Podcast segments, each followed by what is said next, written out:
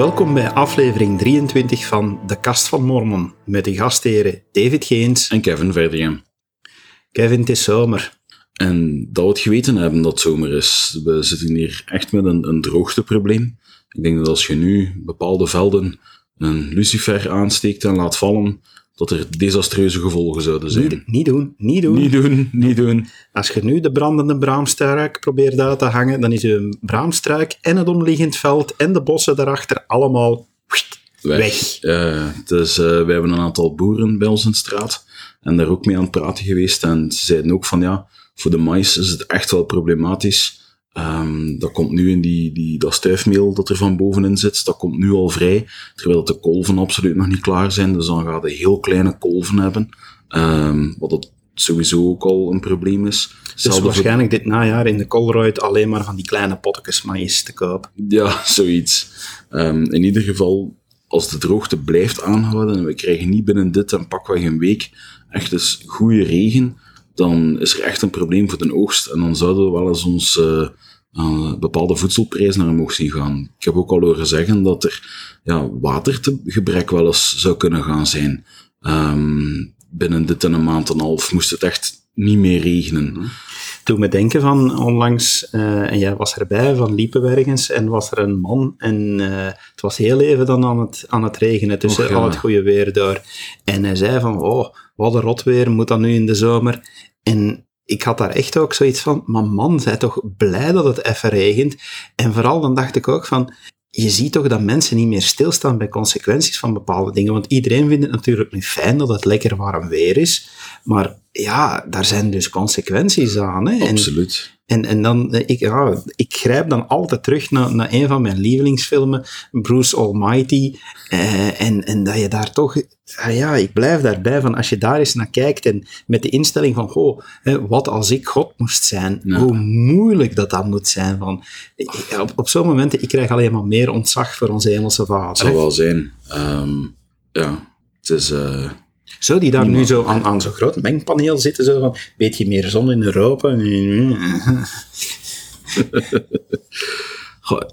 Als ik daar even zonder lachen over moet antwoorden, denk ik dat voor ons hemelse vader, dat hij um, bij de schepping de natuur in gang gezet heeft. Op welke manier dan ook, de natuur in gang gezet heeft. En dat het voorzien was om goed te gaan laat niet weg natuurlijk dat wij als mens een serieuze stoorzender kunnen zijn in ons milieu, in, voor de natuur. Biodiversiteit die eraan gaat, hele ketens. Um, denk bijvoorbeeld aan de verwoestijning die uh, plaats heeft in sommige delen van, van de wereld. En dan hadden voornamelijk ze daar, in de woestijn. Voornamelijk in de woestijn en de rand er rond. Um, en dan hebben ze onlangs gemerkt dat men dacht eerst van ja, dat, dat vee dat vreet alles af en dat doet niks. Maar wat dan ze vergaten, was dat dat vee ook ja, hun gevoeg deed op die plaatsen en ook voor essentiële bemesting zorgde. En dat je dus zag dat um, ja, de natuur daar toch op plaatsen dat er toch wel gegraast werd en waar dat er uitwerpselen op de grond kwamen, dat de natuur daar beter van werd en minder op geneigd was om in woestijn te veranderen. Dus hoe dat de mens eerst denkt van, we gaan al wat veder weghalen, dat die natuur gewoon zijn gang kan gaan, dat bleek dan toch niet zo'n uh, goed idee. Om, om, op mijn eigen grappige opmerking te antwoorden, ik weet ook wel dat, dat God daar niet aan een mengpaneel nee. zit van, hij heeft systemen gecreëerd, hij heeft uh, de, de fysica-wetten en alles gecreëerd, en ja, het ding moet nu maar draaien, hè, van, oh, grote wereldbol. Daar heb ik een vraag bij, want ik zit me dan af te vragen van, de fysica-wetten, zijn die niet gewoon al ouder dan onze hemelse vader, als het ware? Zijn dat geen eeuwige wetten die gewoon doorheen het universum gelden? Of zou onze hemelse vader bij hier ja, andere fysica-regels hebben? Ik denk dat... Hmm, een goede vraag. Ik heb altijd gedacht van, dat hij de wetten heeft ingesteld. Ik weet het niet voor mij is hij de grote architect die, die het van een, een witblad af heeft getekend en, die alles zodanig heeft ontworpen.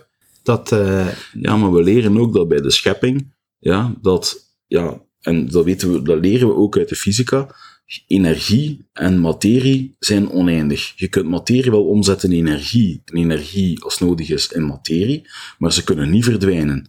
Dus de vader heeft bij de schepping sowieso niet gezegd, hier was niks en knip, hier is ineens wel iets. Er was materie die gebruikt is om de, de aarde mee te formeren. Zoals dat er in de ruimte, dat we zien hoe dat planeten nog, um, okay, nog er, er, was al, er was al materie toen hij de aarde heeft geformeerd. Maar ik denk dat het veel verder teruggaat. Voor mij en je weet, ik hou ervan om wetenschap en, en mm -hmm. religie met elkaar eh, in contact te brengen en, en daar wederzijdse visies op elkaar laten in overeenstemming te zijn.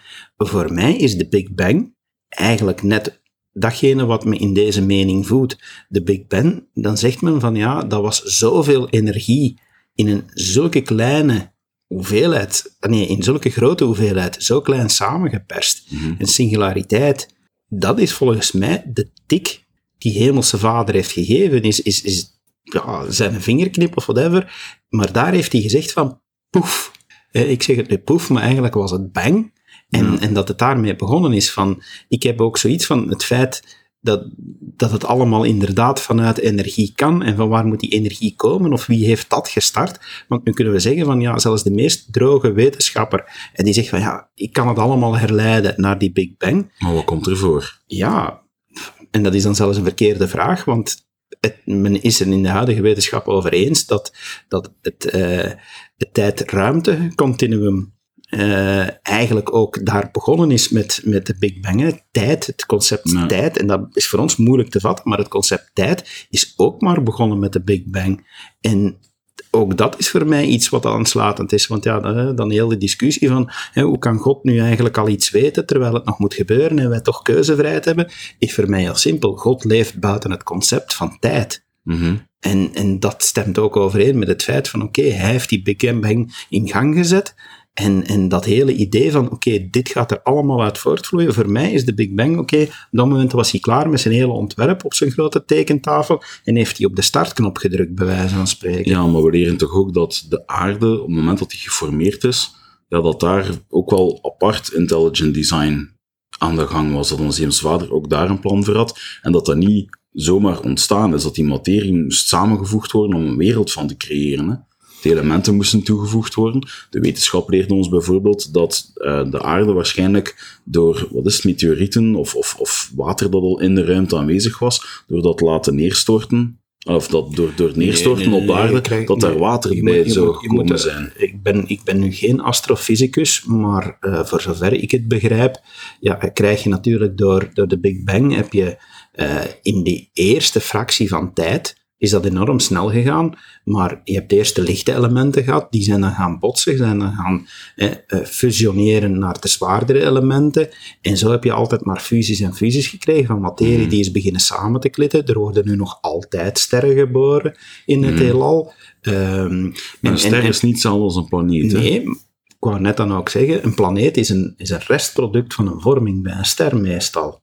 Uh, en in die zin, ik denk dat de manier waarop planeten worden gevormd, en ook onze aarde, dat dat allemaal gevolgen zijn van, van het grote intelligente ontwerp. Mhm. en, en niet dat daar... Ik denk dat eigenlijk na de Big Bang er, er eigenlijk heel weinig nog op dat moment ingegrepen is. Ik denk dat dat allemaal mee in het ontwerp zat. Ik denk dat in het oorspronkelijke ontwerp zat van oké, en daar zal die planeet ontstaan en dus dat, dat gewoonweg door zijn grote intelligentie, dat dat allemaal klopte, dat dat hmm. allemaal, ja, Zal, zal... Nu, heel interessant, ehm, maar ook voor onze luisteraars, dit is jouw mening, want dit staat zo niet in de schriften, alleen toch niet in dat detail, dus dit is jouw mening gebaseerd op de kennis die je hebt van het evangelie en wetenschap gecombineerd. En zolang ik geen profeet ben, mag ik het niet als doctrine afkondigen. en zelfs dan, hè, een doctrine wordt pas aanvaard in de kerk wanneer dat het volledige eerste presidium en de koren van de twaalf apostelen samen iets geratificeerd hebben. Ja, maar die zal ik wel overtuigen. maar goed, um, dat was eigenlijk een heel lange inleiding. Ik denk dat we eens moeten gaan kijken naar onze, naar ons eerste topic. En ons eerste topic is um, de Burkini. Um, ja, dat is een... Uh... Ja, uh, het, is, het is een eikeltopic, hè. Burkinis tegenwoordig. Uh... Laat ons even voor de, de luisteraars die niet in Vlaanderen zitten. Het is in Vlaanderen op dit moment hommeles, want in Gent, als ik me niet vergis, had het stadsbestuur voor twee ehm, zwembaden waar dat moslims in Burkini waren verschenen en die daarmee wouden zwemmen, werden daar toen geweigerd om met een Burkini te mogen zwemmen. En ze zijn er dan uh, gezegd van, ja, sorry, maar dat mag niet. Dat is voor de regels van de hygiëne en zo. Um, je mag hier niet met Burkini gaan zwemmen. En zij zijn daarmee naar het gerecht getrokken en hebben toen gezegd van, ja, maar dat is, uh, dat is een inbreuk van onze godsdienstvrijheid.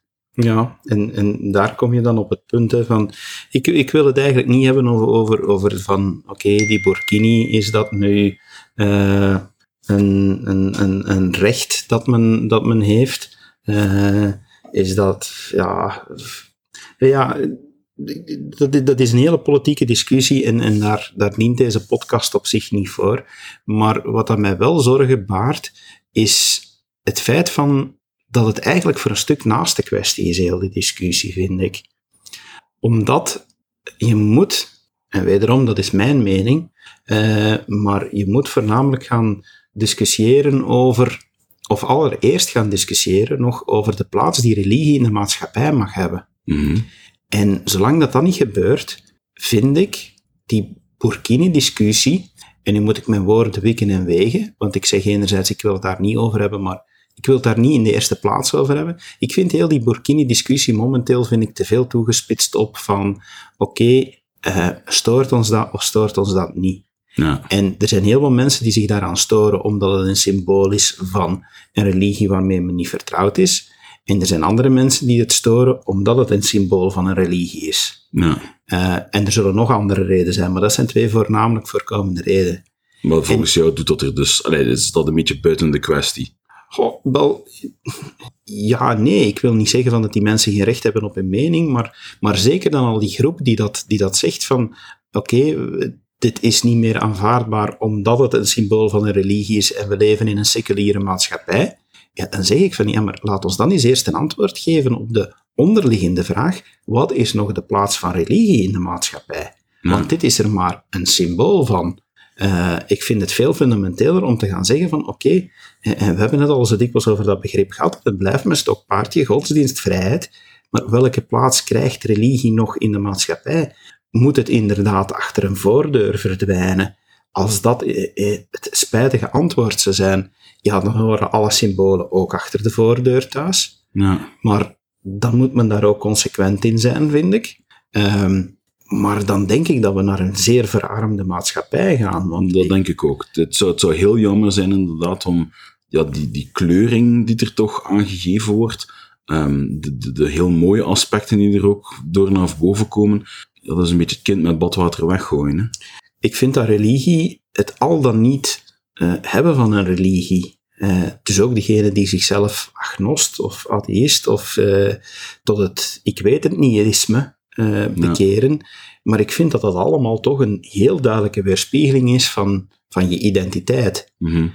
En ik vind het dan totaal verkeerd dat minstens een heel deel van de bevolking, maar eigenlijk iedereen, want ik zeg dan ook, dan moet men daar consequent in zijn, een heel deel van zijn identiteit moet laten vallen wanneer ja. men over fundamentele dingen wil mee gaan meepraten.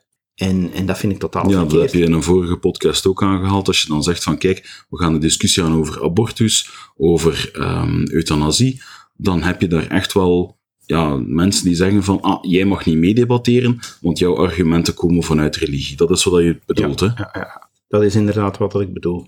Dus ik vind algemeen van, oké, okay, laat ons eens eerst kijken van wat een plaats heeft religie nog. En dat je op basis daarvan, afhankelijk van het antwoord dat men geeft, is, die Burkini, is dat het Burkini-vraagstuk een heel stuk makkelijker geworden. Ja. Want als je daar inderdaad zegt, zoals nu meer en meer ja, mensen menen dat het de juiste oplossing is dat religie echt een volledige privézaak is, ja, dan is het heel simpel. Dan hoort die Burkini niet thuis in een publiek beeld. Dan hoort de hoofddoek niet thuis in het publieke beeld. Dan hoort een kruisje aan een ketting niet thuis in het publieke beeld. Ja. Dus ja, dan, wordt dat veel makkelijker.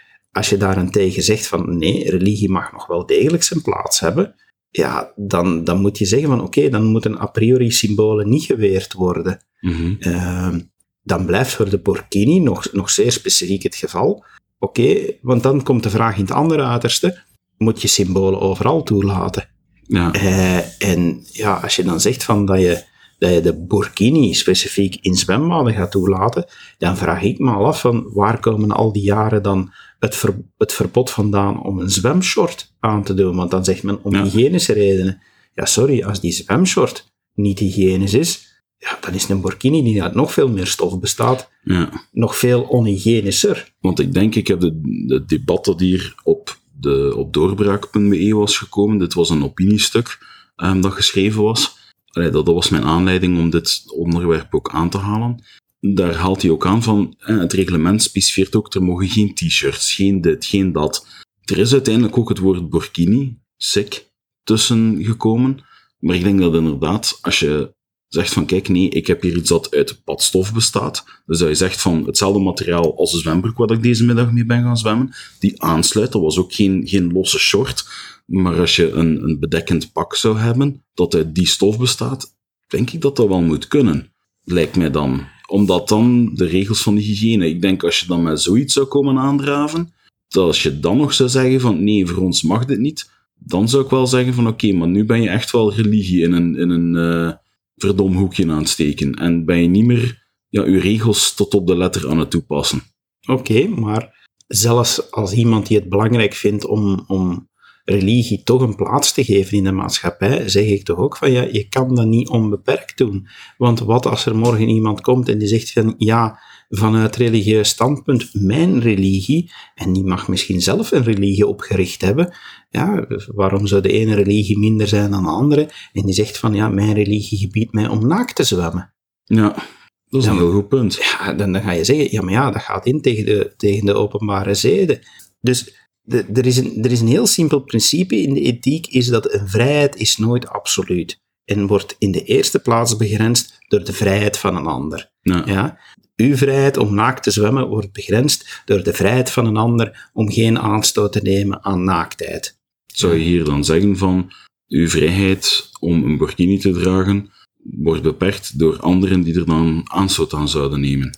Dat kan. Dat kan een legitieme reden zijn. Nu, ik denk dat in de eerste plaats momenteel de reden toch volgens mij altijd werd gevoerd omwille van hygiëne. Ja, Van, van mijn vrijheid op hygiëne weegt zwaarder dan uw vrijheid op die Religie, burkini, op een ja. religieus symbool dragen.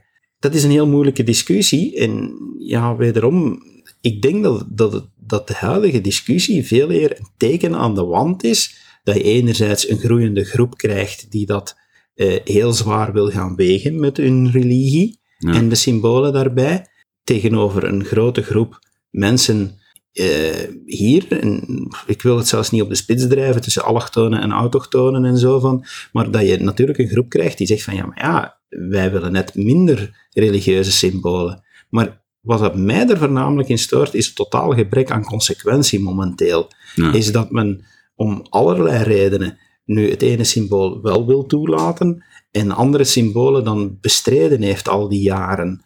Eh, dat, je, dat je ziet dat men, maar goed ook, jaren gevochten heeft voor de bevrijding van, van de vrouw. ja. En, en dat men dan nu zomaar slikt dat, dat daar de klok wordt teruggedraaid voor, voor Ik, ik vond de beelden altijd hallucinant als je dan gaat kijken naar landen zoals Afghanistan in de jaren 60.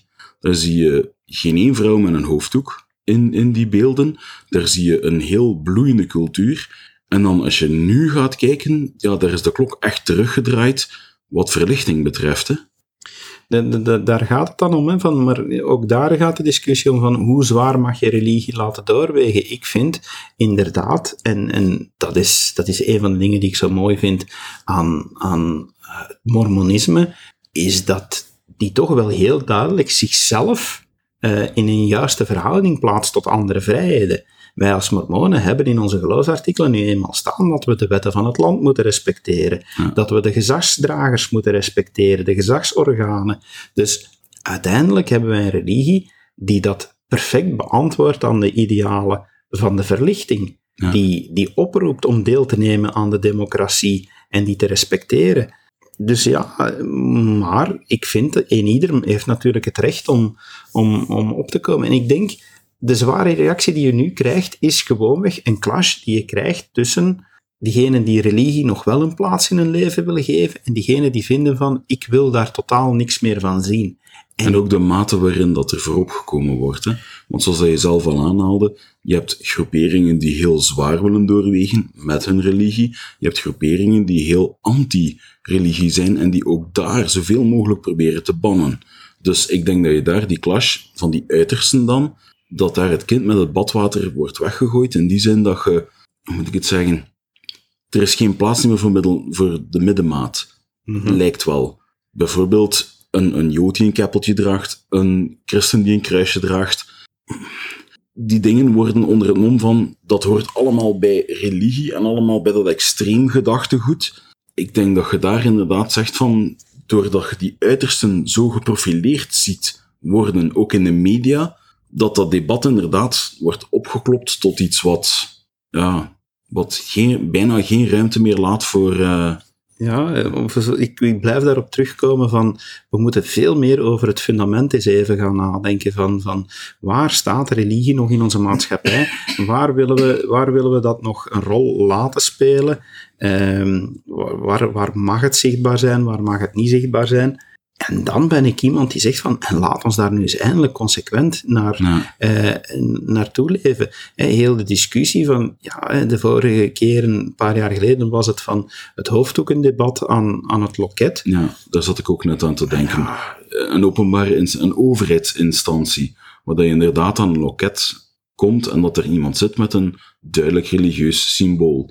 Nu, het is, laten we ons een kat een kat noemen, het is aan, aan, aan de dag komen, of het heeft heel veel aandacht gekregen, omwille van de hoofddoek. Ik denk dat er minder sprake was van ja, een kruisje dat gedragen werd, of een ander religieus symbool. Het was vooral die hoofddoek die zoveel aanstoot gaf, juist omdat dat opnieuw zo hoog, ja... Wel, wederom, ik vind, ja, uiteindelijk, zo'n hoofddoek of wat het ook is, het is maar een symbool. En dan zegt men, ja, maar het kan niet aan een loket van de overheid, want de overheid moet neutraal zijn. Ja. ja, de overheid moet neutraal zijn. De mensen die voor de overheid werken, die kunnen niet neutraal zijn. Die moeten in de opdracht van hun werk neutraal handelen. Maar die mensen zijn niet neutraal. En of dat daar nu iemand zit met een, die gelovig is en dat laat zien welk geloof dat hij heeft of niet, dat verandert niets aan die ingesteldheid van die persoon. Ja, als daar een moslim zit, dat is een, of een moslima, die is evenzeer moslim, eh, of dat hij die hoofddoek nu op heeft of niet. Ja. Hetzelfde mij... ook met homo's bijvoorbeeld. Hè? Want er is ook een discussie over geweest dat iemand een, een regenboog-t-shirt aan en dat was ook van, oeh, dat is niet neutraal. Maar die mens is daarom niet minder homo, omdat hij geen regenboog-t-shirt aan heeft. En ik vind, waar het mij in gaat, is dan van, hoe behandelt die persoon mij? Als die persoon mij gewoonweg hetzelfde behandelt als iedereen, en dan niet, ja, om, om het voorbeeld van homo te gebruiken, van het zit mis als je zou merken dat die, die homo aan het loket, en laat ons nu zeggen dat het een loket is waar je bouwaanvragen doet. Ja. ja. En dat je daar dan zou merken van, ja, maar andere homo's krijgen eh, iets makkelijker toestemming om bepaalde afwijkingen op bouwvoorschriften te krijgen van die homofiele ambtenaar. dan zit je met een probleem, want dan is die niet neutraal in zijn handelen. Ja. Maar als die daar, ja, datzelfde probleem zou zijn voor eender wie dat daar, die daar zit, als die een bepaalde categorie eh, gaat bevoordelen, ja, dan is die ongeacht van wie die persoon is en, en wat allemaal zijn identiteit vormt, ja, dan is die niet neutraal in zijn handelen. Ja, je zou racisme op dezelfde schaal kunnen leggen, hè? Ja, van, van, ja, van, het is in die zin, wat dat hij aan heeft, welke t-shirt of wat dat hij op zijn hoofd heeft, van,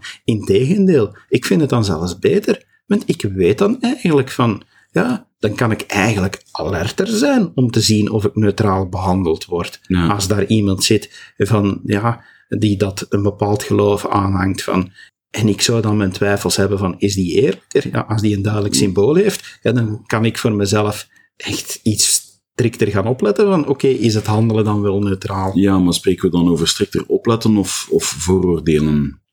Dat is dan natuurlijk weer iets anders. Hè, van, uh, daarmee, het is niet makkelijk. Hè? En in ieder voordeel heb zijn nadeel. Van, mm. uh, maar uh, ja, ik heb dan toch zoiets van, eigenlijk, ik weet het liever.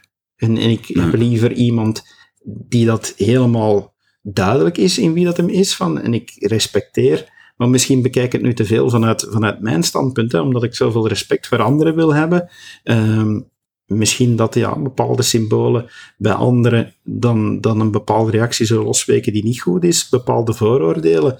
Maar daaraan zie je van, echte neutraliteit bestaat niet. Hè? We zijn allemaal mensen die met elkaar. Er zijn bepaalde dingen, neem nu bijvoorbeeld een hakenkruis, een swastika. Je zou iemand kunnen hebben van een cultuur die uit het oosten komt, waar het, het swastika een heel andere betekenis heeft dan die hier in Europa door de nazi's gebruikt geweest is. Ehm, ja, die zou dan kunnen zeggen van ja, maar dat is een religieus symbool. Dat is dan een teken dat zo'n zwaar gewicht heeft in onze maatschappij, dat je zegt van oké, dit kunnen we niet tolereren. Ik zal het eens naar de andere kant doortrekken en dit voorbeeld laat dan zien hoe belachelijk het is van, ja, je hebt ook, je noemde daarnet racisme, maar je hebt nu ook eenmaal seksisme. Ja, tuurlijk. Ja? Moeten we binnenkort gaan eisen dat de ambtenaren die aan het loket zitten androgeen zijn? En dat je niet kan zeggen van, hm, was dit nu een man of een vrouw? Daar heb, nee, daar heb je volkomen gelijk in. Dus- want ah, ik heb het op het werk nog meegemaakt. Mijn teamlead is een vrouw. En zij vertelt het verhaal hoe iemand um, met haar een afspraak gemaakt had. En die persoon komt toe en mijn collega, uh, mijn teamlead, ontvangt die persoon. En die zegt van, ah, ga je er de teamlead bij halen? Ja, zegt ze. Ze gaat naar het bureau, pakt haar boekje, pakt haar tas thee, komt binnen. Hallo, ik ben de teamlead. En die mens was zo helemaal van, oei. En dan heb ik zoiets van, hoe seksistisch is dat nu niet? Om aan te nemen dat een teamlead geen vrouw zou kunnen zijn. Allee ja, om er iets aan te geven. Dat seksisme, zij heeft voor mij ook meer mijn ogen geopend naar hoe erg het soms niet kan zijn naar seksistisch gedachtegoed. Waar dat je mensen zou zeggen van, je zegt iets, omdat dat al eeuwenlang zo is, en dat je dan toch moet opletten van, hey, dit was eigenlijk een nee, geen racistische, een, een sexistische opmerking. Maar om terug te keren naar uw punt, ja, allee, ja, je zou dan op een duur moeten gaan zeggen van, nee, kijk, we gaan daar een, een, uh, een pop zetten, waar, die de ambtenaar van op afstand bestuurt, met een androgyne stem en een androgyne look, zodanig dat niemand aanstoot kan nemen aan het feit dat het een man of een vrouw is. Ja, daarmee, je kan daar, je kan daar zo ver in gaan dat je dat, het helemaal naast de kwestie gaat. Hè. En dus dan heb ik zoiets van, op die manier, als je op die manier het gevoel of, of de waan van neutraliteit gaat moeten wekken, ja, dan zit je helemaal verkeerd, want je, je kan dat niet. Dus waarom zo ver gaan? Waarom niet hmm. veel eerder stoppen en, en veel meer respect hebben voor het individu? Ja. En ja, noem mij dan misschien toch iemand die wat meer liberaal is qua gedachtegoed, maar ja, dan heb ik toch ja, ook weer vanuit mijn geloof en keuzevrijheid en, en respect voor anderen, heb ik zoiets van, ja, laat ons respect hebben voor ieder individu en, en laat daar mogelijkheden in toe. Van, ik ben daarin veranderd, hoor, want ik was vroeger anders, en maar, maar door daar meer en meer te gronden over na te denken, heb ik zoiets van, laat ons een keer echt meer over, over de zaak te gronden hebben en, en, en de symbolen de plek geven die ze hmm. verdienen, zijnde als symbolen. Ja. Laat het ons daarbij afronden, dit topic. Um, laat ons eerlijk zijn, het, het is, het is, ah ja, je zou hier uren over kunnen verder gaan. Hè. Het is een, een debat dat momenteel loopt in de maatschappij. Um, het zal nog niet onmiddellijk gedaan zijn, maar ik sluit me aan bij jouw punt. We zouden inderdaad de discussie in plaats van ze bij dit soort voorvallen, want zo noem ik het dan, um, het, specifieke voorval in debat gaan trekken. Waarom niet eens inderdaad de lijn gaan, gaan doortrekken en zeggen we gaan dit debat nu eens voeren en we gaan daar een, een lijn in trekken en dan zeggen en daar inderdaad consequent in zijn. Ja, goed. Ik wou ook nog eens terugkomen op, uh, want ja, dit was eigenlijk ook voor een stukje al teruggrijpen naar dingen uit vorige podcast, maar ik wil uh, ook nog uh, teruggrijpen uh, naar uh, een punt dat we behandeld hebben en waar ook wat reacties op gekomen zijn over zelfmoord.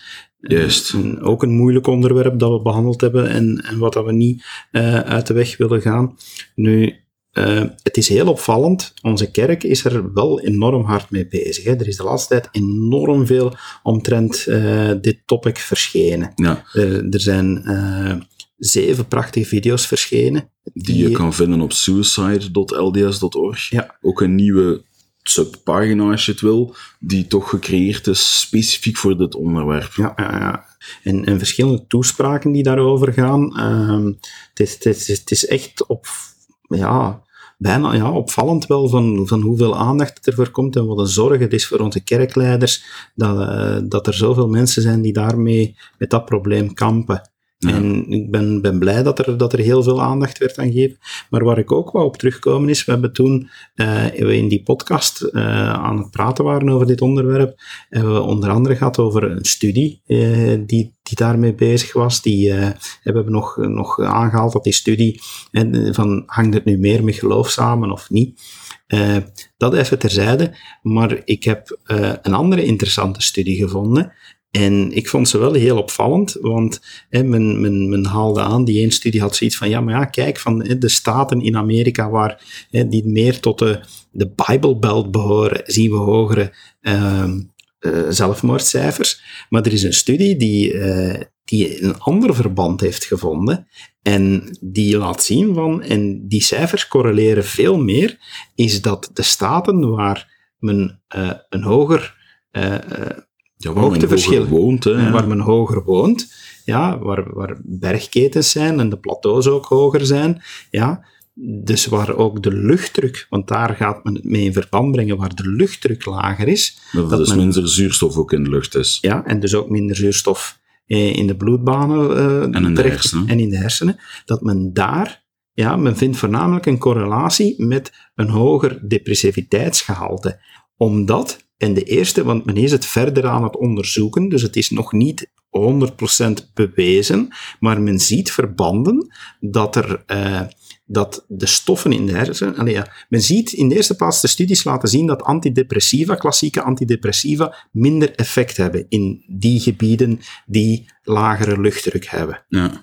En die gebieden zijn dan Montana, Wyoming, New Mexico uh, en Alaska, staan daar echt in de top 5 en worden ja, door de Intermountain West een morbide bijnaam de Suicide Belt. Ja, en ik zeg het, de studie is nu, de, de, de wetenschappelijke studie, die is nog maar zo ver dat men, dat men inderdaad ziet van, hé, hey, antidepressiva werken daar minder. Maar ja, als je dan begint door te denken van antidepressiva is eigenlijk de aanvulling van bepaalde stoffen in je hersenen die je normaal gezien zelf aanmaakt. Ja. ja. het ontbreken daarvan leidt tot depressiviteit. Depressiviteit kan tot zelfmoord leiden, dus daar zit toch een oorzakelijk verband in. Dus wat men nu wil gaan onderzoeken is of dat ja, de natuurlijke stoffen die je aanmaakt, zoals serotonine en dergelijke, of dat die in hoger gelegen gebieden ook gewoonweg de natuurlijke serotonines en andere, eh, dat die ook minder effectief werken en of dat daar bepaalde verbanden in zijn.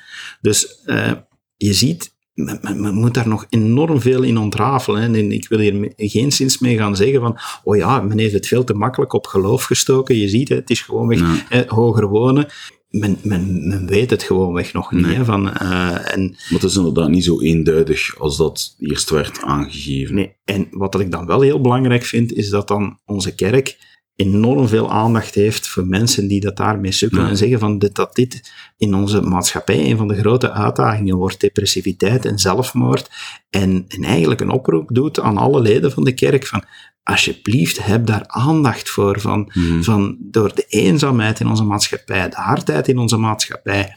Ja, zorg dat je, dat je als een goede christen uh, veel meer steun kan geven voor die mensen en het, en het veel tijdiger kan opmerken en, en, en die mensen naar hulp kan leiden. En, ja, ze zeggen ook schuw geen professionele hulp. Hè? Um, dat wordt ook heel duidelijk aangehaald. Wat ik ook heel frappant vond, is dat daar toch een van de apostelen ook zei van ja, we moeten af van dat dogmatische idee dat iemand die zelfmoord gepleegd heeft onherroepelijk um, verdoemd is om, om ja, nooit um, te, kunnen terugkeren bij God. Zegt hij, dat gedachtegoed is gewoon fout. Ik denk dat we er zeker bij moeten stilstaan. Iemand die depressief is, die kan niet meer correct denken en heeft inderdaad die, die medische hulp nodig. Het is, het is ziek zijn effectief in depressie. Um, en ja, als je been gebroken is, ga je naar de dokter om dat te laten maken. Als je depressief bent, ja, dan moet je eigenlijk ook bij een psychiater en een psycholoog gaan om jou daarvan af te helpen. Om jou te helpen om, om, om terug gezond te worden. En je kan niet meer helder denken.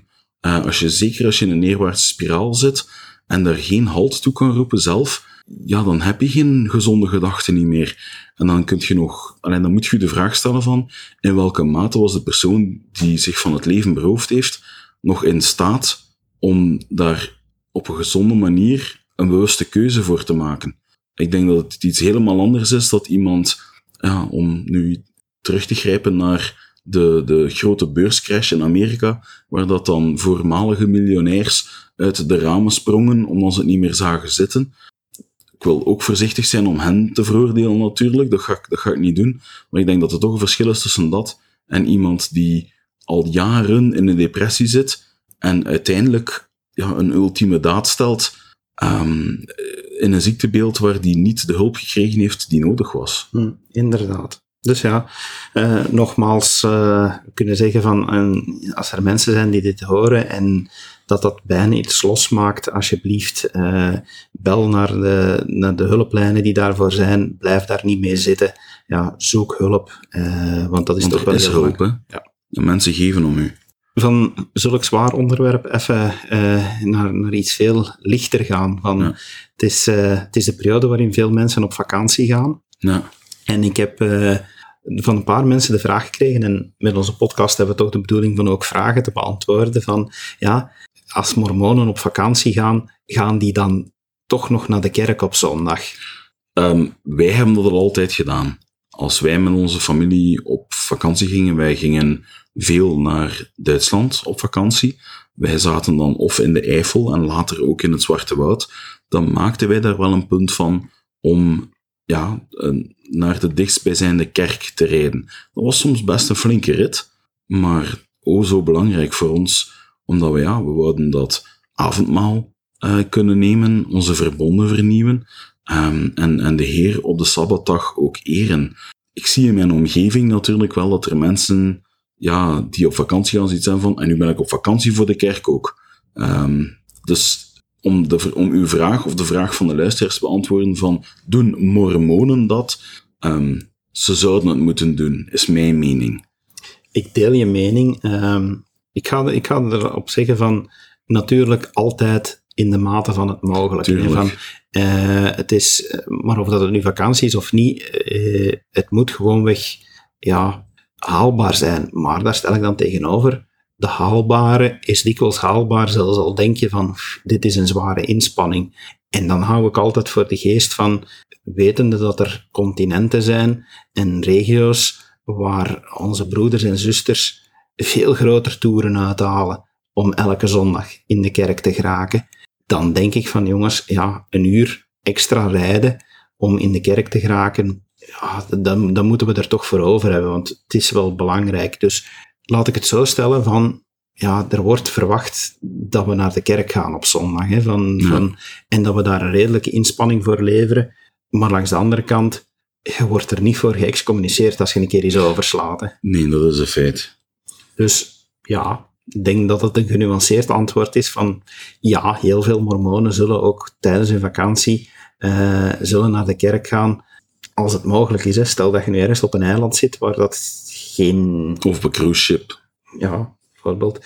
Wel, die situatie heb ik nu zelf al meegemaakt. Dan hebben wij toch geprobeerd om op zondag er, er even bij stil te staan dat het zondag is. Ja. En, en bepaalde dingen links te laten liggen.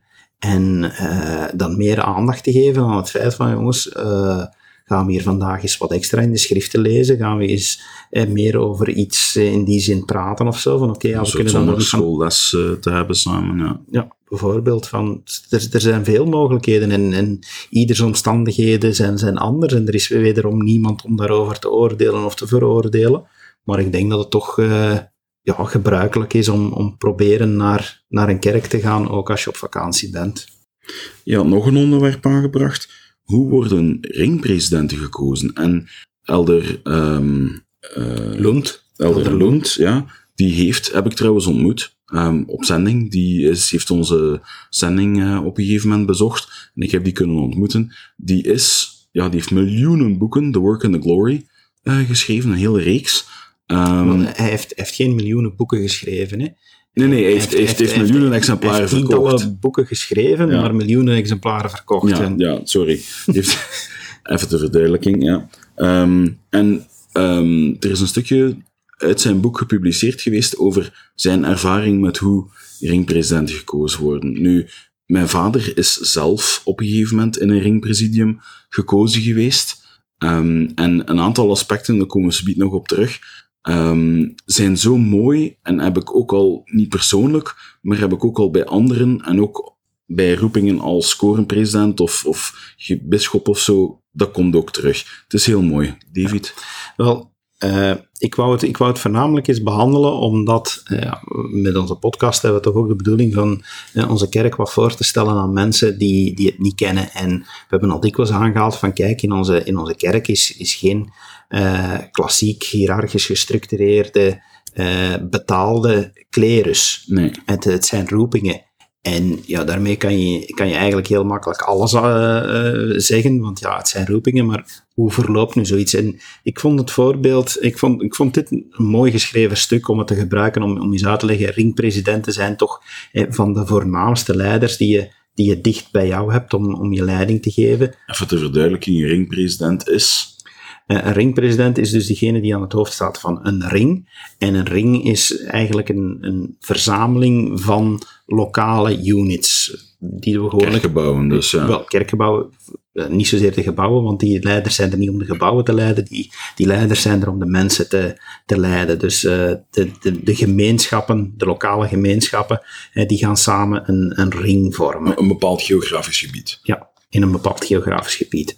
Uh, dat kan groot, dat kan klein zijn. Men, uh, hier in Europa werkt men er meestal naartoe om, om een ring uh, na, niet groter te laten zijn dan een 2500 tal leden. Ja.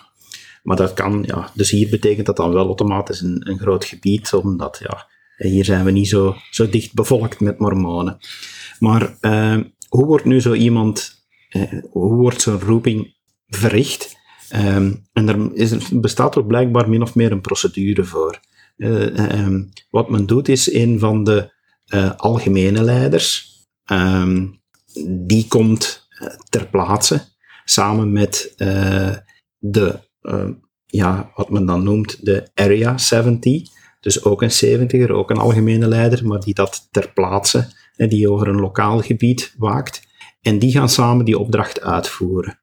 En om het, uh, om het mooi te beschrijven, van, uh, zij komen dan, dan ter plaatse en onder hun twee gaan ze een aantal mensen gaan spreken. Meestal de lokale leiders. De huidige ringpresident, zijn assistenten, de, de, de leden van de Hoge Raad, ehm, de lokale bisschoppen, want de bisschoppen die staan aan het hoofd van de lokale units. Men gaat die, algemeen laat men die uh, de revue passeren en, en spreekt men die en stelt men die ook allemaal eens de vraag van, ja, uh, geef mij eens uh, een naam of meerdere namen van wie dat je denkt dat een goede ringpresident zou zijn. En dan gaat men heel hard op het, op het gevoel af gaan werken. Het gevoel van welk gevoel, welk indruk krijg ik hier van de Heilige Geest bij het noemen van die namen. Of heel vaak ook bij het binnenkomen van een van die mensen.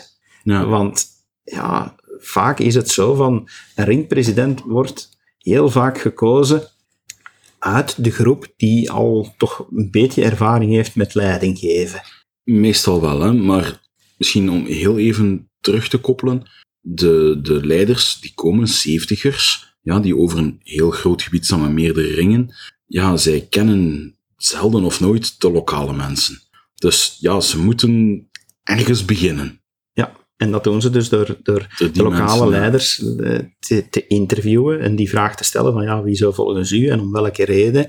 En ja, die indrukken laat men dan bezinken. Daar gaan ze onder hun twee over bidden, individueel en samen. En dan is de bedoeling dat ze tot een consensus komen van kijk, ik heb, het, ik heb toch wel de indruk gehad dat het om die persoon of die persoon moet gaan. Mhm. En het wordt dan heel mooi beschreven, ook door Elder Lund, hoe, dat, hoe verrassend dat die overeenstemming vaak blijkt en dat men, als men, het moment dat men daarover praat en samen bidt, dat die twee leiders ook effectief voelen van, ja, dit, hier krijgen we een goed gevoel bij, dit, dit, dit, is de persoon en, en dan hij als de eerste bevestiging. Ja, dus dat is de eerste bevestiging en dan gaan ze gewoon die persoon roepen. Ja. En heel opmerkelijk is ook dat, dat men dan heel vaak een tweede bevestiging krijgt. Van dat er, dat, eh, er zit een mooi voorbeeld onder andere in van dat het, dat het soms in kleine details zit, maar dat ze dan al wel eens meemaken dat de persoon die dat dan geroepen wordt iets zegt wat zij net voor team besproken hebben. En dat ze merken van, zie je, van die persoon heeft zelf daar al mee bezig geweest. Of eh, een voorbeeld in van iemand die zegt, van, ah, nu begrijp ik mijn droom van vannacht. En uh, ja, dat dan blijkt dat hij, dat hij s'nachts inderdaad droomde van, van zijn huidige ringpresident. En dat hij ja, op een gegeven moment zijn mantel over, over dan zijn schouders kwam leggen. Dan zijn ja, de mantel der liefde om voor iedereen te zorgen, wordt nu aan u doorgegeven. Ja. Uh, het, het, is echt opmerkelijk dat het en, op die manier En daar kan gebeurt. ik ook van getuigen. Ik heb dat al dikwijls gezien, of toch mensen horen vertellen, dan ze inderdaad, op het moment dat ze geroepen werden, um, dan ze eigenlijk stellen van, ik, had, ik wist het al dat ik hiervoor ging geroepen worden. Niet uit, uit uh, moet ik dat zeggen, hoogmoed. Niet uit een dingen van, en nu ga ik eens um, de dikke blaas gaan uithangen. Nee, effectief dan ze ofwel een gevoel hebben, dan ze voorbereid worden, um, dan ze soms inderdaad dromen hebben, die stellen van dit en dat, waarin dan ze ook soms geleid worden naar welke raadgevers dan ze kunnen vragen en zo. Um, het, het, het is iets heel mooi. Um, waar dat je inderdaad dan een tweede bevestiging, soms komt hij ook, zegt hij zelf, um, op het moment dat je bij de aanstelling dan ook een zegen toevoegt, um, dat daarin een tweede bevestiging komt, dat je daarin heel sterk ook de geest voelt. Kortom, om nog maar eens aan te halen dat roepingen bij ons in de kerk onder leiding van de geest komen en dat op die manier Christus werkelijk aan het hoofd van deze kerk staat en dat hij daar actief mee bezig is. Het is dus geen verkiezing. Hè? het is absoluut geen verkiezing. Het is niet dat de leden allemaal gaan mogen stemmen op een aantal uh, kandidaten of zo. Van, uh, het is echt wel onder leiding van de Heilige Geest dat het gebeurt. En ja. Ik vond het toch eens leuk om, om dit voorbeeld te geven naar onze luisteraars. Om, om dat, ja, als je daar niet mee vertrouwd bent, van als je mormoon bent, dan heb je zoiets, ja, ik weet dat, want dat wordt heel mooi. En, en we zien dat dikwijls gebeuren. En dat gebeurt ook op lokaal niveau, met eigenlijk iedere roeping, want een bischop doet het dan weer met zijn raadgevers over, mm. over zelfs de roeping die dat en wie moet er nu lesgeven aan de zesjarigen? Uh, het gebeurt allemaal door openbaring. Maar ik vond het, ik vond het eens goed om, om dit voorbeeld te kunnen geven en, en te laten mm. zien hoe het gebeurt. Heel leuk. Uh, ik wou nog uh, ook eens hebben van, en, en het sluit ook aan bij het feit van, het is, lijkt vandaag wel het moment waarop we in onze podcast heel veel maatschappelijke zaken bespreken van, um, maar ik, ik kwam ook weer op een artikel die dat me een beetje verdriet deed. Het was een artikel die, die weer uh, zinspeelde op het feit van, ja, godsdienst is toch een vorm van hersenspoeling. En uh, we zitten toch in een tijd dat we echt moeten zeggen van, jongens, al onze keuzes die we maken, die, die moeten op basis van wetenschap zijn. Dat was een reactie op een stuk dat door een, een moslim uh, gemaakt was, waar hij opperde voor... Um, die zei van, ziet er is maatschappelijk nood aan islamitische scholen uh, in Vlaanderen. Dat, ik, als ik me niet vergis, was dat de reactie. Ja, het was daar een reactie op en, en een begrijpbare reactie, maar, maar daar zaten toch een aantal dingen in uh, die ik vond van, onder andere dat men zei van de, de, ja, niet de eeuwige tegenstelling, want dat is zeker niet het geval, hè, maar de nu bijna klassieke tegenstelling tussen van het is wetenschap of religie, ja, daar zal ik altijd blijven tegenin gaan. Dat is voor mij geen of, maar dat is een en. Voor mij ook. Ja, wetenschap en religie spreken elkaar niet tegen, maar vullen elkaar aan. Waarom? Omdat ze over hetzelfde gaan. Ze gaan over hetzelfde onderwerp, zijn de wereld rondom ons. Um, en de wetenschap kijkt daar naar het um, hoe, waar dat voor mij religie meer kijkt naar het waarom. Alhoewel dan ze elkaar er inderdaad zo mooi aanvullen, dat je inderdaad kan gaan stellen van, dit is gewoon super, om, om daar een volledig beeld van te krijgen van het waarom. Want het is één ding om inderdaad te gaan stellen van, ja, we zien dat dit en dit in de geschiedenis van de aarde dan als planeet gebeurd is. En we zien bepaalde dingen. Maar het waarom, dat wordt door wetenschap, ja, er, er wordt een poging tot gedaan, vind ik soms, om te gaan stellen van, ja, dit is gebeurd omdat dat. Maar tegelijkertijd, ja, het gaat ook niet altijd op. Hè? Nee, en ja, de, persoon die haalde hier onder andere een, een grote filosoof aan. Ik, hou er ook wel van, van Karl Popper. En uh, zijn, zijn uh, falsifieerbaarheidsprincipe. Maar ik vind toch dat veel mensen dat ook weer in deze context verkeerd zetten. Want, ja, voor, voor wie het woord niet kent, falsifiering is? Wel, het, het wil eigenlijk zeggen van dat aan een wetenschappelijke theorie niet de eis moet gesteld worden dat ze bevestigd is, maar juist dat ze te weerleggen valt. Ja. En dan wordt er gezegd van, ja, maar ja, aan, aan religieuze dogma's, die kun je niet weerleggen. Ja, want je kunt niet bewijzen dat iets niet zo is. Maar ik vind uiteindelijk, en, en dan kun je op een filosofische manier daar gaan over de, verder discussiëren, van, ja, maar Popper heeft zelf gezegd dat, dat over de waarheid van een theorie niks te, te zeggen valt, maar dat je wel degelijk kan bepalen of dat iets onwaar is. Dat dat de weerlegbaarheid is. Maar ik vind dat, dat religie, ik vind dat religie daar niet aan ontsnapt. Ehm, en, en dat je daar, daar heel vaak op eenzelfde manier ook mee kan omgaan. Eh, het klassieke voorbeeld dat ik daar altijd in gebruik, en ik, ik blijf het gebruiken omdat, omdat het bevattelijk is, is van als je kijkt nu naar toch een van de mooiste wetenschappelijke doorbraken van de laatste jaren, is, uh, is het Higgs-boson, dat nu eindelijk bewezen is, dat men al heel lang vermoedde dat het bestond. Maar ze hebben het wel niet gezien.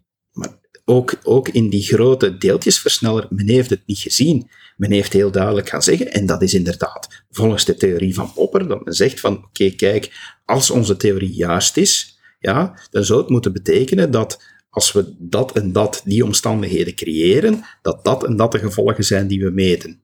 En die dan waren wel doet- meetbaar. ja. En dan doet men dat, men creëert die omstandigheden en men meet die gevolgen. Ja? En dan kan je gaan zeggen van, oké, ja, dat is een goed wetenschappelijk bewijs. Dat, dat is de theorie nu eenmaal van Popper, dat je op dat manier dat als bewijs... Je, je ziet niet wat, dat je, wat, dat je, wat er zou moeten zijn, maar je ziet wel de gevolgen. Maar zelfs dan nog, ja, moet men gaan zeggen, en ik weet nu niet meer van buiten, maar dat cijfer is berekend, wat is de kans dat de gevolgen die we gezien hebben door iets anders worden veroorzaakt? Hmm. Ook dat is de wetenschap heel duidelijk in. En bij zulke experimenten berekent men dat cijfer. Maar men- wetenschap is in die mate, en dat, hè, men dicht dat alleen aan wetenschap toe, spijtig genoeg, dat men zegt van ja, maar wetenschap evolueert ook. Men kan nu iets aannemen voor waar, zelfs met huidige middelen bewijzen dat de kans enorm groot is dat het waar is, en in de toekomst toch de onwaarheid ervan gaan ontdekken. Zoals Popper ook schrijft. En dan, doordat men nieuwe middelen heeft of nieuwe theorieën ontwikkelt Mhm. of zo, dat is het voortschrijdend inzicht. Maar sorry, wederom, als mormoon, ja, zeg ik dan van, ja, maar dat zeggen wij ook in onze, in onze religie. Wij, het staat letterlijk in onze schriften in, regel op regel, voorschrift op voorschrift. Echt voortschrijdend inzicht. De dingen die dat we vroeger kregen, ja, die waren beperkt in visie, omdat we er toen niet klaar voor waren. Dat is net hetzelfde dat je aan een kleuter van, van vier jaar, die in de eerste of tweede kleuterklas zit, ja, daar ga je niet aan leren van hoe dat je integralen moet berekenen. Ja? Je begint met de basis en pas nadien begin je toe te voegen en toe te voegen. En dat is in religie niet anders. Dus dat hele principe van falsifieerbaarheid, ik vind niet dat je mag zeggen van, ah, dat is niet op godsdienst van toepassing, dus ja, bij gevolg, godsdienst is, is, al, is al daar totaal fout in. Ja. Ik vond uw voorbeeld eerlijk gezegd niet zo goed. Als je zegt van wiskunde, ja, het feit dat je leert hoe dat je een integraal moet berekenen, maakt wel 1 plus 1... Allee, dat ma- maakt basiswiskunde niet ongedaan. Hè? Nee, maar juist... Bewijst het niet met- fout, hè? Nee, nee, maar ik haalde, dat haalde ik aan als voorbeeld van over voortschrijdend inzicht. Van, Ja. Je begint met eenvoudige dingen en daar bouw je op voort. Ja. En dan vind ik dat religie over het algemeen... Maar dan zegt men... eh, Meestal haalt men als argument aan van, kijk, religie, bepaalde dingen die men in het Oude Testament heeft gezet, die zijn nadien herroepen en, en dan en de volgende, en zeker ook, wij belevende profeten, ja, die, die soms nieuwe instructies geven, dan zegt men van, zie je wel, men heeft iets veranderd, dus het was vroeger niet waar, en daaraan zie je van dat alles eh, vals is. Ja, Ja. jongens, de wetenschap heeft ooit gezegd dat de aarde plat was. Dus is dan de hele wetenschap fout? Er zijn een hele hoop mensen die dat nu nog zeggen, hè? de Flat Earth Society, maar laat ons daar alsjeblieft niet over beginnen. Nee, maar, maar om maar mee te geven van, ja, uiteraard, maar zowel wetenschap als religie maakt gebruik van voortschrijdend inzicht. Dus, dus dat, is, dat, dat is één ding. En En het gekke daaraan, om dat voorbeeld even aan te halen, sorry dat ik onderbreek, is, er is een heel lange periode geweest, als je kijkt naar de Grieken en, en ehm, allee, het was, was het niet Pythagoras die ook de omtrek van de aarde berekend had? Die aan de hand van, ah, ik weet niet meer wat Pythagoras was, maar er was een geleerde die toen de omtrek van de aarde ehm, ja, bepaald had aan de hand van een schaduw, dacht ik, die hij mat. Ehm, en het, het fantastische daaraan was dat de wetenschap zoveel jaren later, redelijk recent dan nog, um, dat ook berekend heeft. En dat bleek dat die oorspronkelijke Griek daar helemaal niet zo ver af zat. Ja, en dan toch is er inderdaad een periode geweest waarop dat mensen toch weer dachten van hé, hey, de aarde is plat en de geschiedenis lijkt zich nu te herhalen. Wat ik dan nog, nog veel grappiger vind, is dat, dat mensen het, alleen sommige mensen, nu, nu wetenschap gaan in zulke bochten wringen om, om te gebruiken, om bewijzen te kunnen, kunnen geven van, ja, van waar komt die godsdienst dan van? In dat artikel stond het ook van, ja, maar ja, dat is, dat is door de evolutietheorie dat je kan zeggen van, ooit heeft dat nut gehad, want uh, evolutionair gezien heeft dat nut gehad, want in donkere tijden ja, waren onze voorvaderen overgeleverd aan het woede van natuurkrachten. En dan die religie die zorgde voor de nodige cohesie en het onmisbare altruïsme om een primitieve maatschappij te overleven. En om, ja, omdat de mensen die die gevoelens het beste hadden, dan ook konden overleven, is dat in ons genetisch materiaal ingeslopen. Hij haalt hetzelfde aan met monogamisme. Hè? Ja. Hij haalt hetzelfde aan dat hij zegt van ja, de vrouwtjes gingen veel meer voor mannen die trouw bleven, want hè, dan waren ze zekerder dat hun kinderen met een vader konden opgroeien. Um, en omdat ze meer daarvoor gingen, zegt hij, want anders zou dat systeem er al lang uh, veranderd zijn. Nu, niet voor het een of het ander, maar er zijn een hele hoop culturen op aarde waar dat, ja, uh, het, het uh, meervoudig huwelijk wel degelijk bestaat. Hè? Dus, ja, zwart, dat terzijde. Ja, dat, ik, ik vind, ja, van mij mag men dat doen, hè, maar, maar ik vind, ja, het, men moet toch ruimte laten om ook te zeggen van, ja jongens, dit is toch ook wel een beetje met de haren getrokken en mm. Eh, la, laat toch eh, eh, plaats voor, voor religie en, en doe het niet af als zijnde van, oké, okay, nu is het zo'n beetje, begint zo de toon ontstaan van, ja, maar we willen religie niet uit het beeld krijgen, van, we vinden dat, dat kan leuk zijn en voor sommige mensen is dat heel, heel goed, maar eigenlijk blijft het een beetje gek, hè? Maar feit, gekke mensen mogen er ook zijn. Ja. Ja, ik blijf er bij religie en, en wetenschap zijn niet aan elkaar tegengesteld. En we gaan nog merken dat naarmate de wetenschap verder evolueert, ja, dat het heel dikwijls de religie gaat bevestigen. Als je het wil zien, tenminste. Ja. En de rest hou ik voor mijn boek, als het ooit afgeraakt. um, ja, de, ik moet terugdenken. We hebben het een ik weet niet meer welke podcast, gehad over die ontdekking in Amerika, waar dan ze dan met LiDAR um, een jungle stuk gedaan hadden en dat er heel de steden en, en dingen die leken verloren gegaan te zijn, plots er dan toch zijn. Terwijl dat heel veel critici op Boek van Mormon zoiets hadden van, ziet u, we hebben dat allemaal, dat archeologisch bewijs, nooit gevonden. Hè. Er worden in Boek van Mormon heel de steden en wegen en, en, en versterkingen en zo allemaal aangehaald, maar die zijn er niet, we hebben er geen wetenschappelijk bewijs. En dan nu komen we erop en ja. Ja, we zullen, we zullen nog wel, wel zien wat, ik blijf daarbij, wetenschap gaat nog, nog veel dingen aandragen. Hmm. Uh, dat voor diegene die het wil zien, uh, dat die gaan moeten zeggen van, mm, het zou toch, uh, het zou toch, ja, wel eens kunnen een bewijs zijn dat bepaalde ja. dingen in religie waar zijn. En dan hebben we nog één groot punt, vind ik we krijgen heel dikwijls de vraag van, en ik heb dat op zending ook meegemaakt, hè, mensen die mij de vraag stellen van, als God echt bestaat en hij houdt van iedereen, waarom laat hij dan toe dat er zoveel ellende en miserie is in deze wereld? Ik heb zo eens iemand tegengekomen die zei van, ja, dan had hij mijn vrouw bijvoorbeeld niet aan kanker laten sterven. Je moet al, je moet al zien, uh de vraag wordt soms tweeledig gesteld, of in twee verschillende vormen gesteld. En ik vind dat de nuance heel groot kan zijn. Je kan inderdaad de vraag krijgen van waarom laat God veel ellende toe?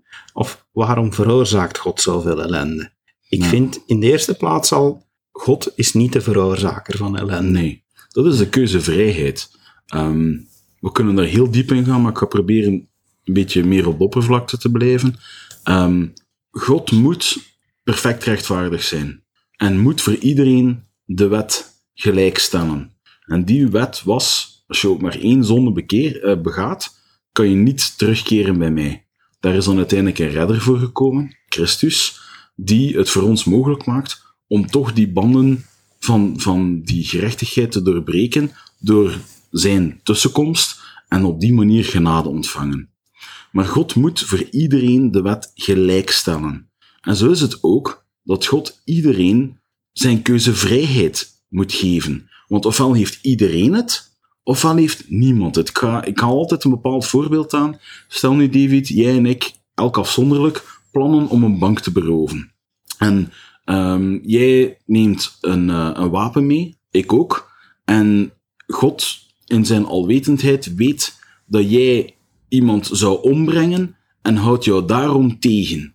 Maar omdat er bij mij niemand zou omkomen, laat hij mij met het geld, houdt hij mij niet tegen en laat hij mij met het geld vertrekken. En ja, ik, we komen uiteindelijk allemaal voor de, de, de rechterstoel Gods. En jij wordt niet veroordeeld voor die misdaad, want je bent tegengehouden geweest door God. Maar ik word voor diezelfde misdaad, ik word dan wel voor diefstal veroordeeld. En op die manier, waar trek je die lijn? En omdat het zo moeilijk is om die lijn te gaan trekken, kan je niet anders dan die voor iedereen op hetzelfde niveau brengen. En dat is een nultolerantie, ofwel alles toelaten. Dus ofwel iedereen niks, of iedereen alles. Dat is, dat is een deel van de verklaring uiteraard van, maar het, het, grijpt zelfs terug op wat ik daar straks ook zei, toen ik, toen ik zei van, ja, eh, van, eh, en, daar ga ik weer, hè, Bruce Almighty, ik kom altijd met Bruce Almighty af, hè, van, maar, maar eh, ja, als je gaat beginnen in te grijpen op bepaalde dingen als God, want als je dan ook naar het, het andere vraagstuk kijkt, waarom laat hij veel ellende toe, en waarom heeft hij mijn vrouw aan kanker laten sterven, ik verwees ook al naar, naar, het feit dat volgens mij God al die fysica-wetten en het hele systeem mhm. bedacht heeft. Als hij daar constant moet gaan ingrijpen, ja, dan, dan krijg je heel rare effecten. En zoals ik daar straks zei, van ja, we vinden het nu allemaal fijn dat het goed weer is, maar dat heeft consequenties. Consequenties waar dat we letterlijk, zoals jij zei, waarschijnlijk de prijs gaan voor moeten betalen. Maar, en hier ben ik dus met Bruce Almighty, als je daar het, het voorbeeld daarin van, ja, daar heb je op een gegeven moment het voorbeeld in, heel veel mensen vragen van, oh god, mag ik toch de lotto eens winnen? Ja. En Bruce, die dat dan God ad interim mag spelen, die is al het gezoom in zijn oren beu en antwoordt op al die vragen gewoon ja. ja. En wat is het resultaat? Ja, iedereen wint 30 cent. En iedereen voelt zich daar zo bedrogen door dat er rellen ontstaan. Ja, gigantische rellen. Gigantische rellen. Dus, ik, vind, ik vind het een prachtig voorbeeld dat je ziet van, ja, als je iedereen zomaar proberen al het goede te geven, ik denk niet dat we er content mee zouden zijn. Mm. En ja, dat een beetje als grappige insteek naar, en daar denk ik toch dat voor ons mormonen het wel belangrijk is dat we dat weten, dat de ellende in ons leven een betekenis heeft. Mhm. En niet in die zin van dat we zeggen van, ja, God veroorzaakt die ellende voor ons. Het is niet dat God, en, en daar geloof ik heel sterk in, dat God niet de ellende veroorzaakt om ons te testen. Ja? Hoewel, hoe we ermee omgaan, wel degelijk een test is. Ja. En een kans om bij te leren. En, en God zal, om ons te helpen, vaak anderen beïnvloeden om ons te helpen met ons probleem. Dat kan hij wel doen. Hij beïnvloeden, hij zal iemand een, een ingeving van de geest geven, van kijk, help die persoon. En dan heeft die persoon nog altijd de vrije keuze om daarnaar te luisteren of niet. Ik denk dat hij alleen op die manier tussen aanhalingstekens ingrijpt. Door de geest op anderen te laten inwerken en hen de kans te geven om een ander te gaan helpen. Ja, dat inderdaad, omdat dat heel belangrijk ook is waarom dat we hier zijn. En, en daar kom ik dan tot het punt dat de ellende die er is, ja, hij gaat die niet wegnemen, omdat die voor ons ook belangrijk is. Want dat geeft ons kans om, om te leren. En dan kan je zeggen van, oké, ja, maar wat leert nu een kind van drie jaar die aan kanker sterft, wat leert hij daaruit? En dat zijn heel moeilijke vragen, hè? En, maar je kan daar geen antwoord op geven als je niet in dat eeuwige perspectief kijkt. Als je niet naar dat hele heilsplan kijkt. Als je niet beseft van, oké, we leefden bij God. We zijn hier op aarde gekomen om de kans om bij te leren en onszelf beter te leren kennen en ervaring op te doen, om dan terug te komen bij Hem. Mhm. Ja, mede dankzij de verzoening van Christus. Als je dat, en dat is nu even kort samengevat, het heilsplan, hè, heel kort ja, met heel veel nuances eruit gelaten. Maar als je dat in ogenschouw neemt, dan moet je gaan zeggen van, ja, dan, dan kan je naar dat lijden helemaal anders gaan kijken. om, en ik zeg niet dat dat de verklaring is, hè, maar gewoon een mogelijke verklaring op dat voorbeeld van ja, waarom sterft een kind van drie jaar aan kanker? Misschien had dat kind op dat moment niet meer nodig en is het net, ja, wie weet, is, is, is die persoon niet enorm blij dat hij zo snel terug is, de Hemelse Vader. Ja, maar ja, ja heel, dat, dat, dat neigt heel sterk naar God heeft dat kind kanker gegeven. Dat is het ook niet. Als ik, ik heb er lang en diep over zitten nadenken. Uiteindelijk, alle negatieve dingen die ons overkomen, stammen ofwel af uit onze keuzevrijheid of die van een ander. Want we leren ook dat bijvoorbeeld genetische defecten kunnen plaatsvinden in een kind, in de baarmoeder, van een moeder die bijvoorbeeld rookt, drugs gebruikt, alcohol gebruikt. En laten we eerlijk zijn, doorheen de geschiedenis, hè, we hebben er genoeg bewijzen van, heeft een mens al alcohol aan het gebruiken geweest, verschillende hallucinatie, drugs met andere woorden, gaan gebruiken. En ja, omwille van de manier van genetica en waarop dat bepaalde genen doorgegeven worden, lijkt het mij ook niet onlogisch dat als iemand in het verleden, ergens een van uw verre voorouders, een bepaalde um, genetische mutatie door dienskeuze of haar keuze dan um, te maken, die genetische code doorgegeven heeft en dat die door de manier waarop die genetica werkt nu plots naar boven komt, dat iemand meer kans heeft om kanker te krijgen of om een bepaalde erfelijke ziekte te gaan hebben. Um, dat is, dat, dat is, het is zelden de onmiddellijke fout van de ouder of het kind, of zelfs, ik zeg het, ik heb zoiets van, als God Adam en Eva geschapen heeft, denk ik niet dat daar genetisch een probleem zat. Maar... Ja, ik, nee, ik ben het niet eens met u, met u te eenvoudige opdeling van dat je zegt van het is door de eigen keuzevrijheid of de keuzevrijheid van een ander. Ik zeg dan, dan moet er op zijn minst een derde mogelijkheid bij, eh, om in datzelfde voorbeeld te blijven, van als je zegt van waarom krijgt zo'n kind kanker, ja, inderdaad, het kan een eigen keuze zijn, omdat een kind van drie jaar zal nog niet veel kunnen doen hebben. Het kan inderdaad de keuze zijn, de voorbeelden die je gaf, kan. Maar ik denk dat er ook mogelijkheden zijn daarbuiten.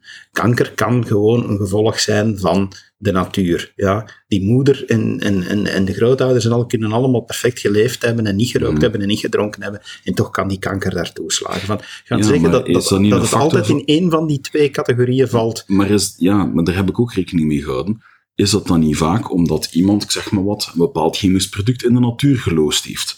Of bepaalde mineralen onzorg, onzorgvuldig, die dan radiologisch Kan allemaal, maar er zullen ook redenen zijn die je, die je daar helemaal niet kan aan toeschrijven. Ja, en, en ja, om te zeggen dat het altijd in een van die twee categorieën valt, nee, daar ben ik het niet mee eens. Soms is het ook gewoonweg een gevolg van hoe het systeem werkt. En, en het systeem werkt nu eenmaal, als je kijkt naar kanker, wat is dat? is een ongecontroleerde groei van cellen. En... Maar daar ga je dan van uitgaan dat God er fouten in het systeem ingebouwd heeft en dat die fouten um, dat die toch door God komen.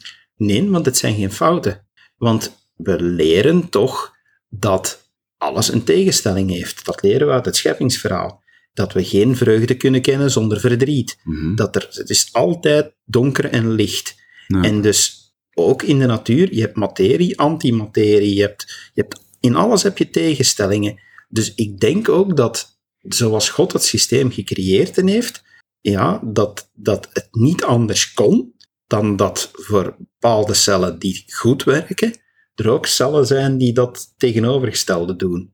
Ja, maar ook daar had God een... Want ik heb die genetica, daar al verschillende dingen over gelezen en, en beluisterd ook.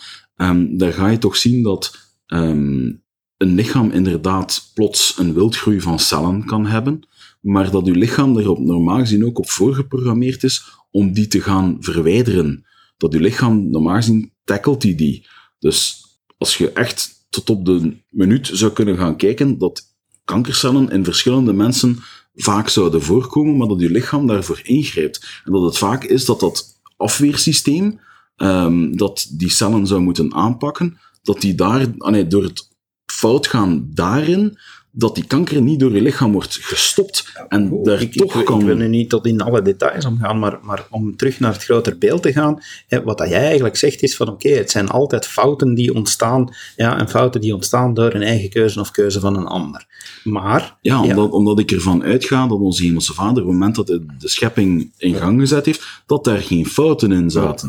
Dus dat Maar- die fouten er gekomen zijn door de gevolgen van keuzes van mensen. En dat ga ik proberen te ontkrachten. Als, als onze hemelse vader inderdaad op die manier een perfect genetisch systeem had gebouwd, ja, met hoeveel miljard mensen zouden we hier dan al rondlopen? Dan zouden Adam en Eva hier ook rondlopen, want in een perfect systeem zou er geen dood zijn. Of hij had het zodanig moeten bouwen dat we allemaal exact op 80 jaar in één dag zouden sterven. Ja. Eh, ik denk dat hij wel degelijk, dus inderdaad, voor die ellendige kantjes ook heeft gezorgd. En dat het feit dat die erin zijn, dat dat net de perfectheid van het systeem ook maakt. Maar als we dan gaan kijken naar het Oude Testament, Adam en Eva hebben ook veel langer geleefd dan dat wij tegenwoordig leven. Hè? Kijk naar Methuselah. Op Die- voorwaarde dat je dat natuurlijk letterlijk neemt. We weten ook dat uit culturele, want je moet ook altijd de Bijbel lezen naar zijn culturele interpretatie, naar, gezegs, naar zegswijze van, hè, van en zoiets van, ja, ik zie geen hand voor de, voor de ogen, dat is een bepaalde uitdrukking. Zo waren er toen ook uitdrukkingen. Er in die tijd werd gezegd dat iemand 800 jaar oud was, als die heel oud was en een lange grijze baard had. Dus Dat kan ik niet weerleggen, ja, daar heb ik te weinig dat, dat, kennis zijn van. die, dat zijn van die letterlijke interpretaties waar ik heel voorzichtig in ben. Ja, Van, van ook van het feit van, hè, er zijn mensen die daar dan zo ver in gaan, ook in onze kerk, die dan zeggen ja, dat de aarde 6000 jaar oud is, alhoewel dat er wetenschappelijk bewijs is Mhm. dat ze veel ouder is. Van. Ja. Ja, dus, maar ik denk dat, dat de perfectheid van, van het hele systeem, van het hele ontwerp van God is, dat er checks, checks en balances zijn. Dat het dus inderdaad, dat, voor, dat er altijd tegenstellingen zijn, dat voor iets goed er ook iets slecht is. Ik denk dat dat net inhoudt en dat dat intrinsiek aan het systeem toe hoort. En daarmee kom ik ermee dat ik zeg van ja, God veroorzaakt ellende niet. Laat God het toe? Ja, want het is nodig. Het is nodig voor ons bijleren. Het is nodig voor het geheel van het systeem. Het is nodig voor onze, onze plek in, in het heilsplan. Ja, dus in die zin... eh, Maar zonder dan effectief al het leed te gaan verheerlijken. Want zo zijn er ook voorbeelden in de geschiedenis hè, van mensen ehm, die ja, het leed verheerlijkten. Het, het afzien, het, het, het sterven met veel afzien, die dat verheerlijkten. Hè. dat, dat, hoeft, dat hoeft inderdaad Ja. ook zo niet. Van, Als ik me niet vergis, was moeder Teresa daar een van. Hè. ja, die, ging, Die heeft ook heel veel van- goed gedaan, laat, laat me dat niet stellen, maar ja, zij verheerlijkte bijna het, het. Hè. Allee, daar heb ik toch ook al die mening over gelezen. Ja, dat, dat is bediscussieerbaar, vind ik. Van, ja, ik wil hier het lijden ook niet gaan verheerlijken. Ik wil alleen maar zeggen van, het heeft zijn plaats. En, en, en in die zin geef ik misschien een afwijkend antwoord dat tegenover wat dat veel mensen verwachten op de vraag van, ja, waarom laat God het toe? God laat, is niet diegene die dat daar wederom aan het mengpaneel zit en individueel lijden zit te regelen Mm. en zo. Ik denk, ja, maar wel algemeen in het systeem heeft hij het moeten voorzien. Ja, want om anders die zou tegenstelling te dan hebben. zou die tegenstelling er niet... Als je, altijd, als je altijd alleen maar vreugde zou ervaren, ja, dan voelt het niet meer aan als vreugde. Je Mhm. moet ook ellende meemaken. Het, het hoort er gewoon weg bij. Het definieert ons van... En dan denk ik... En dan kom ik op van, wat is dan de kracht van religie? Is dat ze inderdaad van... van heel vaak het antwoord geeft op wat dat jij daar straks zei, dat je weet dat ook een van mijn stokpaardjes is, van, op het waarom Mhm. is dat we toch als mormonen leren van oké, we zijn hier om vooruitgang te maken. Dat lijden laat ons, laat ons vooruitgang maken. En dat wat dat je ook meemaakt, geen negatief iets moet zijn op voorwaarde dat je eruit leert. Ja. En het is die instelling die je ook iemand anders maakt. Ik ga mezelf als voorbeeld nemen. Ah, Ik krijg vaak de vraag van, ja, hoe kan jij nu geloven terwijl dat je een zoon hebt met zulke erge vorm van autisme? En ja, ik zou daar kunnen, ik zou kunnen zwelgen in verdriet, want dat levert heel veel verdriet op. En het feit dat ik gelovig ben, neemt dat verdriet niet weg. Maar het geeft wel een plaats. En ik ben er in zekere zin ook dankbaar voor, want het heeft ook bepaalde voordelen gebracht. Het heeft van mij, onder andere als ik dan naar mezelf kijk, een betere persoon gemaakt. Want het heeft mij geleerd veel meer aandacht te hebben voor mensen met zulke problemen. Ja, en het bij, heeft bij ons op het werk zijn er verschillende mensen die in dat ASS-spectrum zitten. Hè? Ja, en, en dat, ja, daarmee dat ik zeg, dat heeft me... Vroeger zou, zou ik daar geen aandacht voor gehad hebben voor zulke mensen. Zou ik die misschien ook zo geen kansen eh, geven. En nu wel.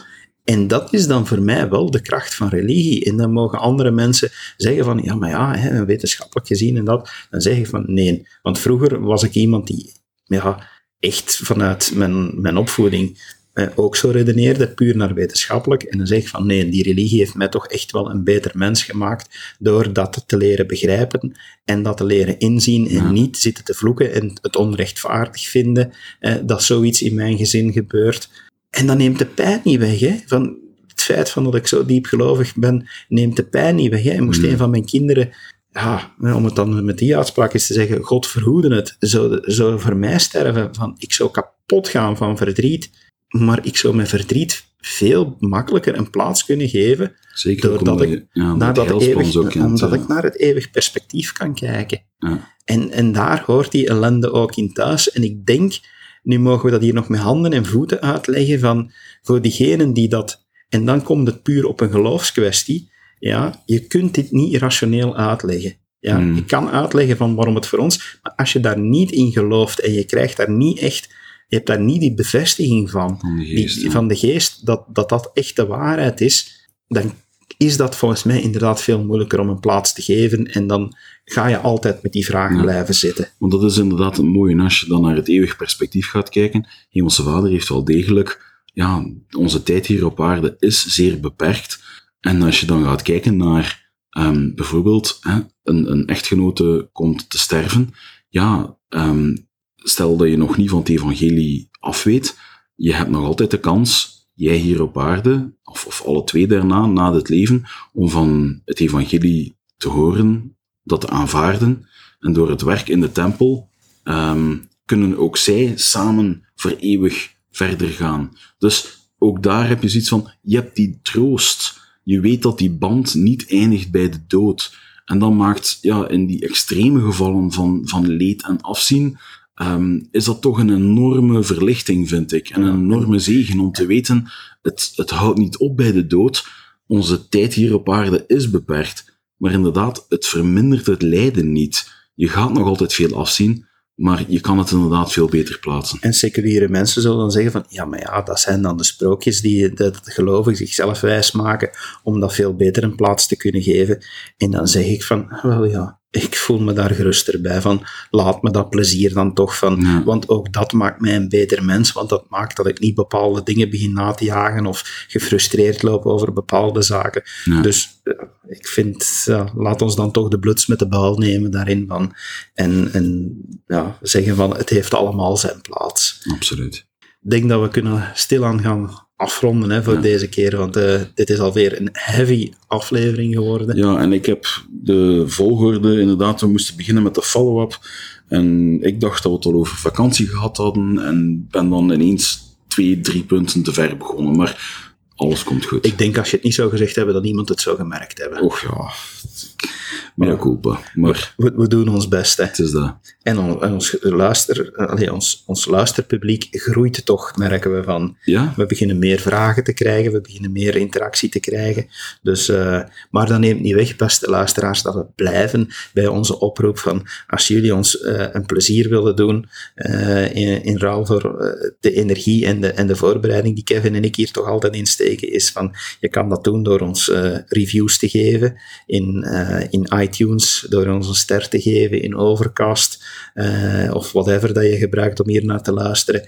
Maar vooral het grootste plezier is van vertel en deel onze links naar, naar onze podcast met je vrienden. Want als jij het leuk vindt en interessant vond, dan zullen er nog mensen zijn die dat, dat vinden. Dus ja, Absoluut. delen, ja, share. En de sociale media, love to share. Dus uh, deel dit ook maar. En dan uh, kunnen wij alsmaar meer mensen toch misschien een vrolijke noot in het leven meegeven. Zelfs al hebben we het over zware onderwerpen. Ja, het was een zware, inderdaad. Volgende keer een paar luchtige dingen vinden van, uh, om, om in onze vakantie en de vakantie van anderen toch ook leuke dingen mee te geven. Maar zoals altijd zeggen we dan, laat uw reacties maar komen op Zeg het maar at de kast van of op onze Facebookpagina of als je ons persoonlijk kent, spreek ons aan. Stuur ons een berichtje, een belletje, maakt niet uit. Inderdaad, eh, reacties ook altijd welkom. En dan zeggen we nu gewoonweg nog tot een volgende keer. Dag. Dag.